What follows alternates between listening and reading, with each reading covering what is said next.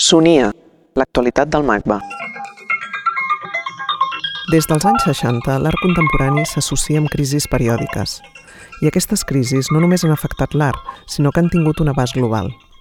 Es pot traçar així un itinerari des de la reflexió autocrítica de la pintura moderna fins als esforços per entendre el món com un sistema de relacions sotmeses a un canvi constant. Partint d'aquesta premissa, la nova presentació de la col·lecció MACBA suggereix alguns antecedents del que avui anomenem crisi sistèmica, en una seqüència de sis episodis que poden ser llegits amb certa autonomia. Sonia presenta Carles Guerra, que fa un recorregut per tots els conceptes abordats en aquesta presentació de la col·lecció. Episodis crítics, del 1957 al 2011. Exposar una col·lecció sempre és fer un exercici històric que pot semblar que només prestes atenció al passat. I la idea d'episodis crítics ha estat, per contra, intentar entendre certes condicions del present a través d'aquesta presentació de col·lecció, d'aquesta ordenació específica. És evident que el que d'alguna manera ens pesa ara és eh, l'efecte d'aquesta crisi sistèmica que té un abast que ningú pot arribar a mesurar. Aleshores, la idea és precisament desdramatitzar una mica aquest ofec que produeix una crisi de les dimensions que estem vivint en el moment, intentant retrobar en el passat immediat altres instants on puguem reconèixer antecedents, antecedents de crisi. En aquest sentit, descobrim que l'art contemporani no és precisament una pràctica que es doni sovint en un buit de condicions econòmiques, socials o existencials, sinó que eh, és una pràctica que es dona en circumstàncies concretes, en moments concrets, en llocs concrets. I, per tant, episodis crítics, l'únic que he intentat fer és eh, narrativitzar aquesta crisi del present sobre la que no en sabem gaire, retornant al passat i identificant altres crisis que pot ser no siguin un determinant directe de l'actual, però que contenen ingredients que uns al costat de l'altre sí que conformen en certa manera un diagnòstic. Aleshores, els sis episodis crítics s'aturen en moments en els que la pràctica de l'art es reconeix ella mateixa eh, viure un instant de crisi, un moment de crisi, Cal fugir del contingut com d'una plaga. El recorregut arranca a la planta 1 amb un episodi titulat Cal fugir del contingut com d'una plaga. És un episodi que delata que el museu no ha arribat a temps a col·leccionar l'art modern. És a dir, comencem ja amb una mancança important. És a dir, un museu d'art contemporani, la genealogia del qual no pot completar-se perquè s'inaugura a l'any 95 i és un moment en el que l'adquisició dels herois de la modernitat americana està fora de lloc. Per tant, el que aquest museu comença a presentar en les seves col·leccions és la resposta a aquesta pràctica moderna de la pintura que Greenberg epitomitzava d'una manera excel·lent negant-li la capacitat de colar continguts, històries, relats o narratives i demanant a l'espectador, el, el que mirava la peça, igual que l'artista, que no expliqués res. És a dir, que es l'únic que calia produir era una sensació de complaença visual que donaria entitat a una individualitat, a una subjectivitat, en la mesura que sabés mirar quina sensació li produïa. Aquesta aparent descripció tan democràtica de la recepció de l'art i que ha tingut un impacte que encara avui dona eh, cos al que és la manera d'entendre el món de l'art, si no mirem els programes d'educació visual i plàstica i veiem com es demana que el nen adquireixi capacitats perceptives, que sigui original, autèntic. És a dir, tot això, tot aquest llenguatge procedeix justament dels anys 50 d'una pràctica que representaven uns pocs com Polo, Rothko, Barnett Newman, Martovi, Achille Gorky, cap d'aquests el tenim en el museu. El que tenim en el museu, com a museu de les darreres generacions, és la resposta crítica en aquesta cultura. Una resposta crítica que es comença a articular molt aviat cap als anys 60 i 70 i produirà eh, submoviments com el nouveau realisme a França o l'independent group o pràctiques tan particulars com la pintura de Miró en els anys 60 que conté forts ingredients del que ell anomenava l'antipintura eh? o una mena de pintura assassinada, tal com va dir cap a l'any 27. I ens trobem a Miró que eh, doncs, crema teles o que pinta i destrueix el propi objecte de la pintura. Això ho podem presentar gràcies a un extraordinari document d'en Pere Portavella, eh? una pel·lícula de l'any 69, Miró l'altre, que mostra a Miró pintant el vidre de la façana del Col·legi d'Arquitectes i tot seguit desfent la pintura. Més ben dit, són les dones de la neteja les que són encarregades d'esborrar la pintura. Mm? L'art com a objecte. Tenim un concepte de la pintura que a la vegada que reconeix que és un objecte està intentant defugir la seva qualitat objectual. Entre les obres que fan aquest esforç per dir-nos la pintura no és un camp d'il·lusió, com deia Greenberg o deien els pintors moderns, sinó és un objecte més. Tenim les caixes de Rauschenberg convertides planes a la paret en una mena de tabló o al llit de tàpies. Per tant, és una dècada en la que la pintura segueix sent referència, objecte d'alguna manera de crítica i a partir d'aquesta crítica sorgeix una producció nova. A mi la que més m'agrada i més m'emociona és, sens dubte, una peça d'Àngels Ribé, en la que ella simplement marca una mirada cap a una banda i cap a l'altra, com si dibuixés, en certa manera, el triangle escòpic. És tal vegada la, la reducció més dràstica de la pintura. Ja ni tan sols hi ha la mera objectualitat, sinó que està reduïda a la mirada. I en aquest cas és una mirada d'una dona, perquè recordem que la pintura moderna està representada, en certa manera, per la potència de la testosterona masculina, de l'acció, del gest. De tota manera, hi ha una crítica que encara m'emociona més d'aquest tipus de pintura, que és la que es produeix en la sala següent quan Andrea Fraser o Robert Morris porten aquell llenguatge de la pintura moderna, un llenguatge que era absolutament sensualista, que intentava instituir l'espectador com algú que té una percepció oberta i atenta, no? i doncs tot aquest sensualisme acaba reduït a una certa fricció eròtica. Per exemple, Morris presenta un feltre, The House of Betty, que a banda de seguir una mica la lliçó de Pollock, no? de fer una pintura deixant que la pintura caigui o bé simplement a la llei de la gravetat, i aquí el que cau són uns feltres que composen una mena de eh, sexe femení, no? I el títol House of Eighty, derivat d'aquella casa trobada a Pompeia on hi ha grafitis eròtics, en certa manera ho confirma. Però potser és la peça d'Andrea Fraser, no? La que confirma fins a quins extrems ha arribat aquesta follia moderna pel discurs de la sensualitat, quan ella interpreta el discurs de l'audioguia del Guggenheim de Bilbao gairebé com una instrucció per entrar en una fricció directa amb l'edifici i qui sap, a lo millor arribar a tenir fins i tot un cert plaer eròtic, tal com ella demostra amb la seva performance. Per tant, nosaltres entrem, aquest museu entra directament a la crítica de la pintura com a primer exercici o com a inici de la nostra història. L'art de la primera globalització. Aquest capítol l'hem seguit de un altre titulat L'art de la primera globalització i és un títol posat per defugir eh, etiquetes més pròpies del món de l'art com art conceptual o pop art o realisme o feminisme fins i tot. És una sala que intenta anul·lar etiquetes preexistents que dividirien, que situarien certes produccions una separada de l'altra i al contrari proposa una intensa relacionalitat.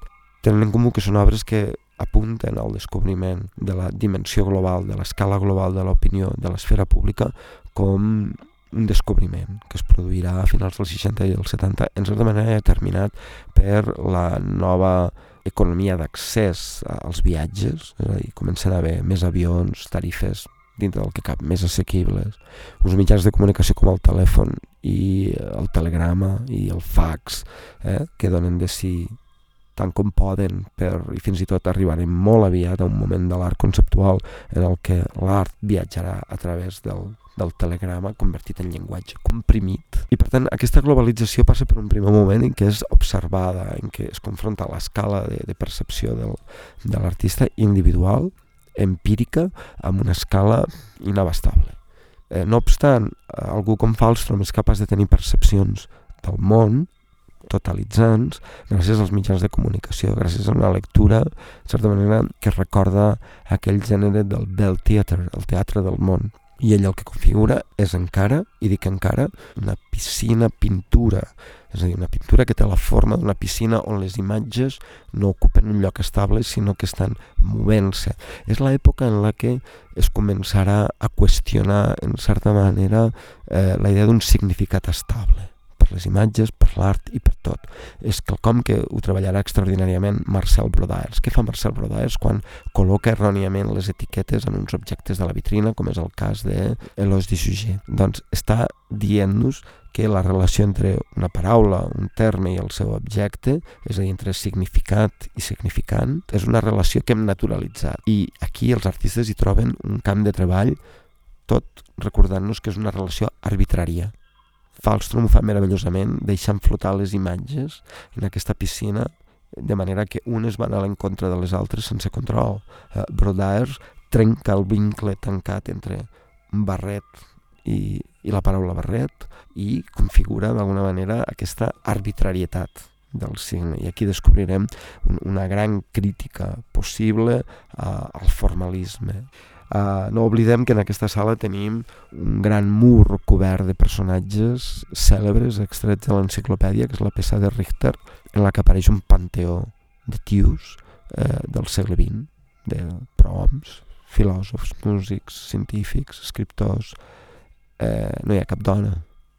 És a dir, la cultura, eh, malgrat ser global, malgrat parlem de modernitat, malgrat parlem de progrés, també produeix exclusions i l'exclusió de la dona segueix sent present. Per tant, estem parlant, en certa manera, de fenòmens que carreguen, arrosseguen certes tensions. La globalització internalitzada. Aquesta globalitat té un desenvolupament eh, que trobo també molt fascinant quan tant Miralda com Oiticica ens la presenten gairebé metabolitzada. Miralda ens presentarà unes deïtats orixàs d'una manera superposades, difícilment destriables de les figures de la religió catòlica a les que s'associen o estan vinculades i totes envoltades d'ofrenes, de menjar, una mica com si, diguéssim, les icones fins i tot del fetichisme, de la religió, del culte, són icones que, que viatgen, que estan sotmeses a hibridacions constants, que s'encarnen en, en certes cultures, i eh, diguéssim que el menjar aquest que inunda l'espai de l'alta ens recorda aquesta vessant associada a la digestió dels continguts, però sobretot és la peça d'Oiticica, el quasi cinema, una de les 10 cosmocoques que va realitzar Neville d'Almeida, la que acaba portant això a un extrem quan utilitza la, la cocaïna com a emblema d'aquesta globalització metabolitzada. Eh, quan et xutes una ratlla de cocaïna estàs d'alguna manera internalitzant dintre del cos totes les tensions econòmiques, les injustícies associades en aquest producte, eh, els seus recorreguts. O sigui, que la cocaïna vindrà a representar un emblema d'aquest tràfic global. Mm? Per tant, la globalització no és quelcom que s'observa de fora, com un espectacle, tal com podria ser el cas de, de Falstrom en un principi, que fins i tot la converteix en una mena de teatre, sinó que és una globalització xutada dintre la vena. El nou realisme del capitalisme tardà.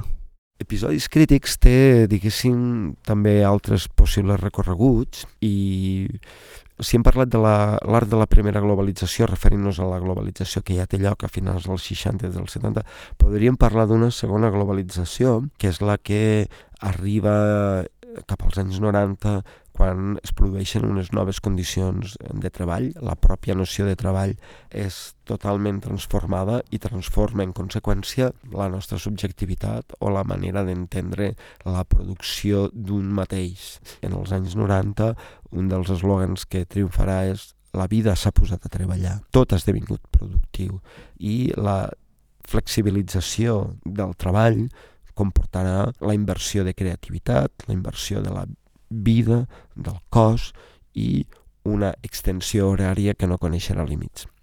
Tot això s'ha conegut de manera molt sintètica com la condició postfordista. En acabar els anys 70, les fàbriques esdevenen llocs obsolets per entendre la producció i de repent aquesta productivitat salta a una escala social. És la societat sencera la que produeix, amb la seva connectivitat, amb els seus intercanvis comunicatius, amb els seus clímax d'entusiasme, de cooperació i d'una producció, d'una creativitat a gran escala i col·lectiva.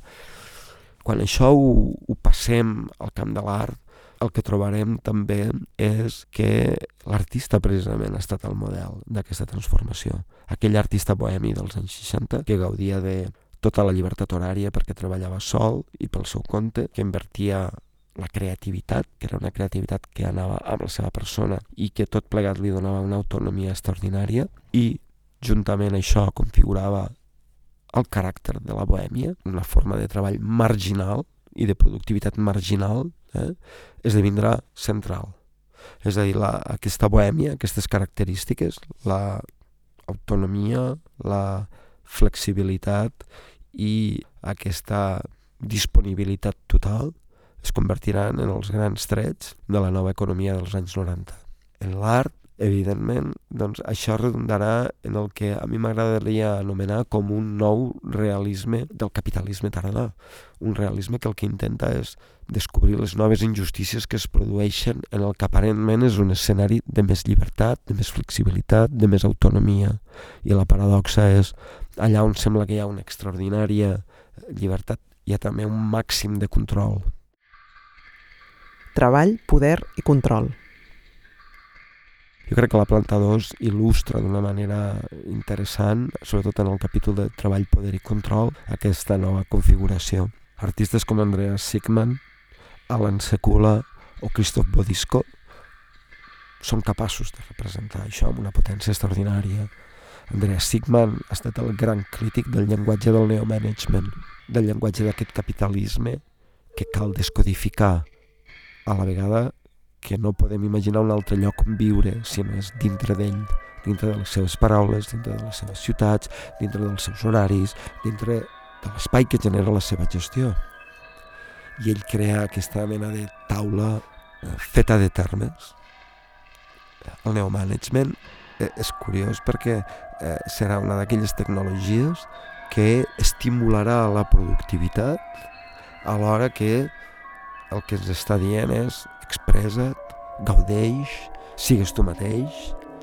És a dir, hem arribat realment a capgirar la, els esquemes de la productivitat moderna. I a Alan Sekula eh, el que estem presentant és una enorme contribució que ell va fer l'any 2007 per la documenta d'aquella edició, és un monument portàtil al treball titulat Shipwreck and Workers, Naufragi i Treballadors, on ell recull imatges que ha anat produint. Alan Sekula és un fotògraf que entén l'espai del mar com l'espai on es produeix una relació de poder alternativa al poder que coneixem, que veiem, que identifiquem eh, a la Terra i per tant el mar esdevé com exemple d'una sobirania eh, diferent, de, de la que opera, insisteixo, en els continents.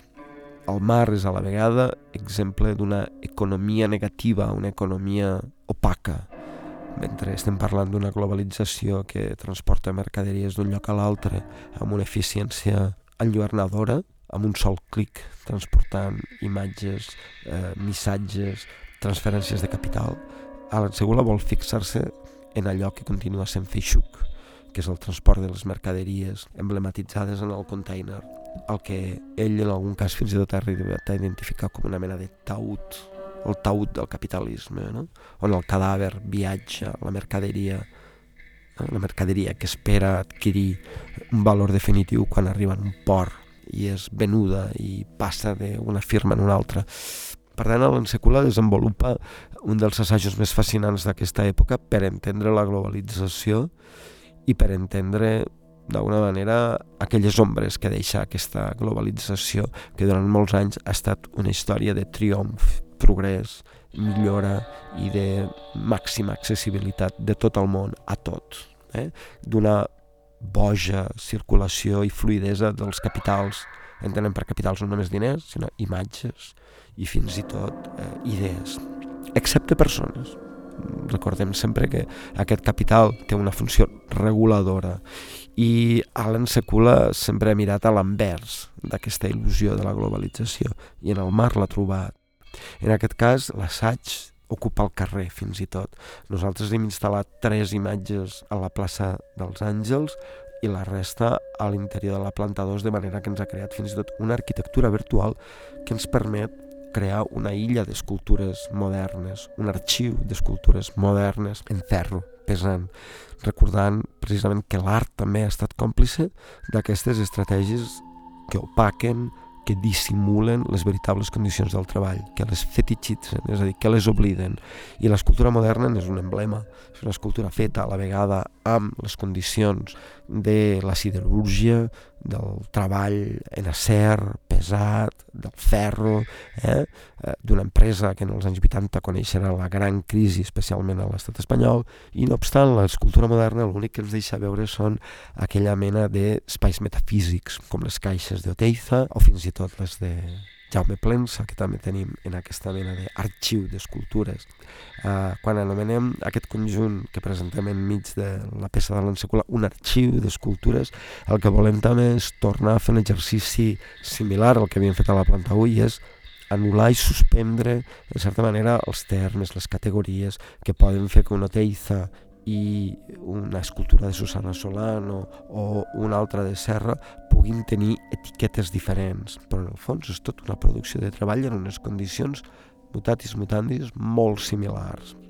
Cal dir que en aquesta planta hi ha una peça importantíssima de Bodisco, Uh, després dels atentats de l'11 de setembre, en el metro de Nova York apareix un missatge que diu If you see something, say something, eh, en el, amb el qual tots ens convertim en delators de tots i la pròpia societat esdevé una mena de agent de mega espionatge. Eh, això és el que s'anomena una forma de control biopolític.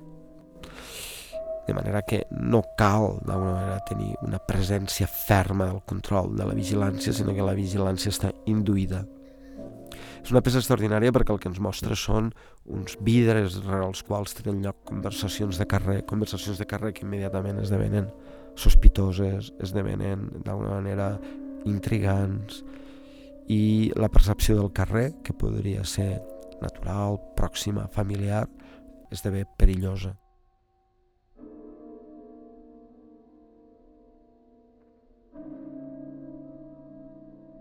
Deconage i els rols institucionals. Presentem també Deconage, que és una, un videoassaig d'Àngela Meritopoulos i de Maurizio Lazzarato, en el que recuperem la figura de Francesc Tosquellos, un psiquiatre català. Eh, aquesta recuperació d'una producció intel·lectual en el camp de la psiquiatria que ve dels anys de la Guerra Civil Espanyola i la feina del qual, la feina de Tosquelles, tindrà una, un impacte importantíssim en això que s'anomena la psicoteràpia institucional, ens permet situar al vell mig del museu un capítol, eh, una figura no reconeguda per la seva producció estètica, sinó per la producció intel·lectual que va permetre transformar els tractaments terapèutics i el tractament de les malalties mentals, així com, d'alguna manera, eh, esvair o alterar aquella divisió entre la normalitat i la anormalitat, entre el dintre d'una institució eh, terapèutica i el seu a fora o exterior i tot plegat va convertir aquestes institucions, aquestes comunitats terapèutiques com s'anomenaran des d'aleshores en llocs de creativitat institucional, llocs de creació humana on els malalts i els no malalts poden cooperar en crear un lloc el més normal possible. Tosquelles realment representa una de les primeres apropiacions del psicoanàlisi i cal dir que és una apropiació que es fa en el context de la Guerra Civil Espanyola. Tosquelles ens demostra que un estrès, com és l'estrès bèl·lic, una condició d'emergència, com és una guerra, que produeix esgotament i que produeix tensió, també produeix una cultura pragmàtica i una política cultural. Tosquelles és aquest que farà d'aquesta condició un marc de lectura del psicoanàlisi Eh, per tant, Tosquella és, eh, és realment algú que ens recorda la importància de la producció de la subjectivitat, algú que sembla tan enigmàtic, tan abstracte i que s'està sotmès a una historització específica, a unes condicions i a uns resultats molt diferents en un període de temps com el que cobreix la pròpia col·lecció.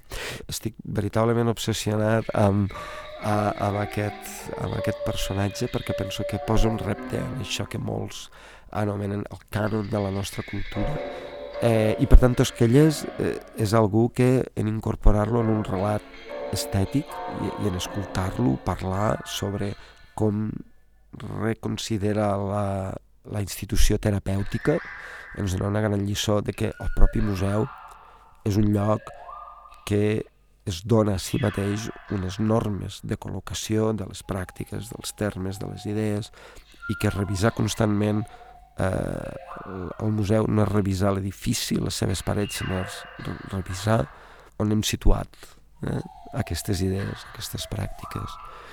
I de la mateixa manera que en els últims anys hem acceptat que el cinema té un lloc natural en el museu, doncs hem d'acceptar que aquest tipus de produccions intel·lectuals ens ajuden a d'alguna manera desestabilitzar aquesta suposada autosuficiència del museu, aquesta seguretat, no? en controlar i en ordenar la història. Fissures i voyeurisme, fetixisme i narcisisme. La planta baixa arrenca amb un capítol titulat Fissures i segueix amb un altre titulat Voyeurisme, fetixisme i narcisisme i és una planta en la que precisament al llarg dels anys, amb materials de la contemporaneitat i materials dels anys 70, s'intenta explicar com l'art esdevé un agent que, de certa manera, produeix aquest individu, produeix aquesta subjectivitat. Fissures és un terme que hem manllevat de Cioran per no dir crítica, és a dir, i per dir que els individus que no tenen fissures, no tenen oportunitat de constituir-se. Per tant, les crítiques, aquí, malgrat que les patim, o ara la patim amb especial eh, virulència, eh, són moments de producció malgrat l'estrès que produeixen, malgrat la tensió, malgrat el desgast, malgrat les pèrdues, malgrat el dolor, malgrat la desintegració. Però són moments productius. Aquesta és l'última cosa que ens queda per dir d'una crisi, si no, no tenim res més a fer.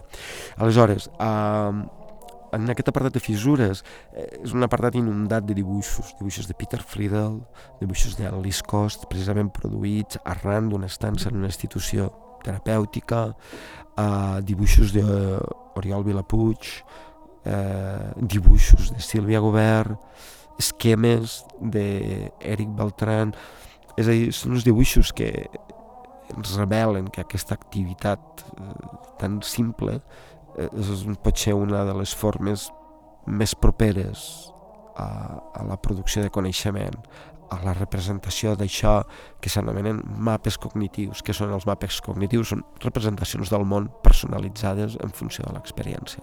Una experiència empírica, de contacte.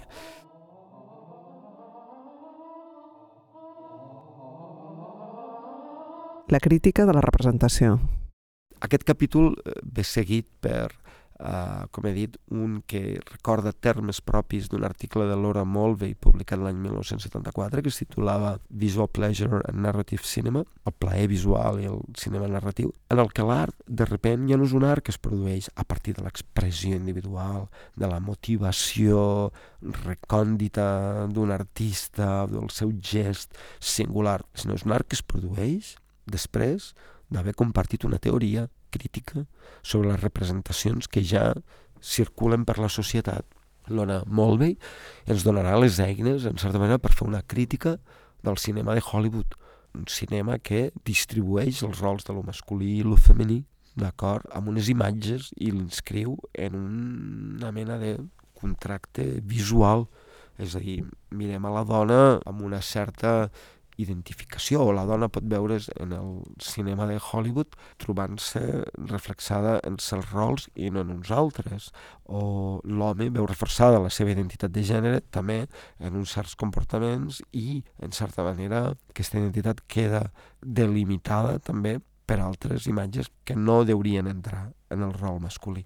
Per tant, aquest moment en el que l'espectador construeix un pont perceptiu, un pont visual, un pont emocional amb les imatges, lluny de ser ajudat amb més expressió, amb més emoció, és analitzat críticament amb els recursos que dona la teoria de la representació a partir dels anys 70 eh, i d'anàlisis que s'ajudaven en aquella època doncs, per les teories psicoanalítiques, especialment eh, les lacanianes, per l'estructuralisme, que converteix aquestes imatges en uns signes que cal estudiar, que cal interpretar eh, i que els objectualitza, els separa d'aquest vincle que hem elaborat amb ell. Per tant, aquesta crítica de la representació per dir-ho d'una manera específica, permetrà a la vegada una producció artística, com la de Jeff Wall, per exemple. Qualsevol que vegi un Jeff Wall i pensi que allò és una escena espontània, natural del carrer, no sols s'equivoca, sinó que eh, d'alguna manera cau en la, en la trampa que prepara aquest tipus de representació. Eh? I per contra són imatges produïdes en el seu més mínim detall, en el seu més mínim, eh, d'alguna manera, gest per dir que la realitat no és espontània, no és eh, tan desinvolta com sembla, sinó que està construïda en totes les seves cèl·lules, en tots els seus moments. La seva tasca no és produir un art per expressar-se, és produir un art per fer la crítica de la cultura en la qual es viu tal com passa també, per exemple, amb la extraordinària peça de Judith Barry, Eco, que ja en els anys 80 planteja una crítica o fa un comentari en aquesta mena de masculinitat que marca els espais públics de les zones de negocis a Nova York. És a dir, com si l'arquitectura, la testosterona i l'economia no poguessin ser destriades l'una de l'altra. El sentit d'exposar una col·lecció. Qualsevol relat eh, té que triar, en certa manera, què deixarà veure i què i que no deixarà veure o que deixarà sense pronunciar. I, i en la col·lecció ho experimentes d'una manera brutal perquè has de fer una tria, has de fer una tria de moments, d'obres, d'autors, de peces i li proposes al visitant precisament què veurà i què no veurà. Jo crec que la col·lecció el que apren és a mostrar, és a dir, a ensenyar no només allò que físicament pot ocupar el relat, sinó entendre dialècticament aquestes presències. A dir, sàpiga que quan has triat per una presència has creat una tensió que exclòs d'altres o que ha, eh, o que està cridant a d'altres. Perquè un museu és un règim d'exclusions permanents. O sigui, es protagonitza el recorregut visual, l'experiència visual, i pràcticament s'anul·la l'experiència auditiva i fins i tot Vull dir, el paper del logocentrisme és molt relatiu perquè els textos que acompanyen aquestes obres en la seva biografia, en la seva gènesi, en la seva història, tampoc hi són tots presents. És a dir, una obra completa, si tinguéssim la veritable obsessió de veure-ho tot, hauria de ser una obra que ens mostrés, a més a més, tots aquells comentaris, reaccions, paraules, que se li han afegit amb el temps com a part orgànica de l'objecte. No són eh, alienes a l'obra. De fet, quan veiem una obra de Rauschenberg estem veient les interpretacions que se n'ha fet ja d'aquell Rauschenberg. Quan veiem un Tàpies ja sabem quines són les paraules adequades per descriure un Tàpies. I aquestes paraules, tot i que semblen ser invisibles, i est estan a la sala també. Eh, per tant, és veritat, és a dir, confeccionar un discurs de col·lecció és confeccionar un particular equilibri eh, entre el que està i el que no està.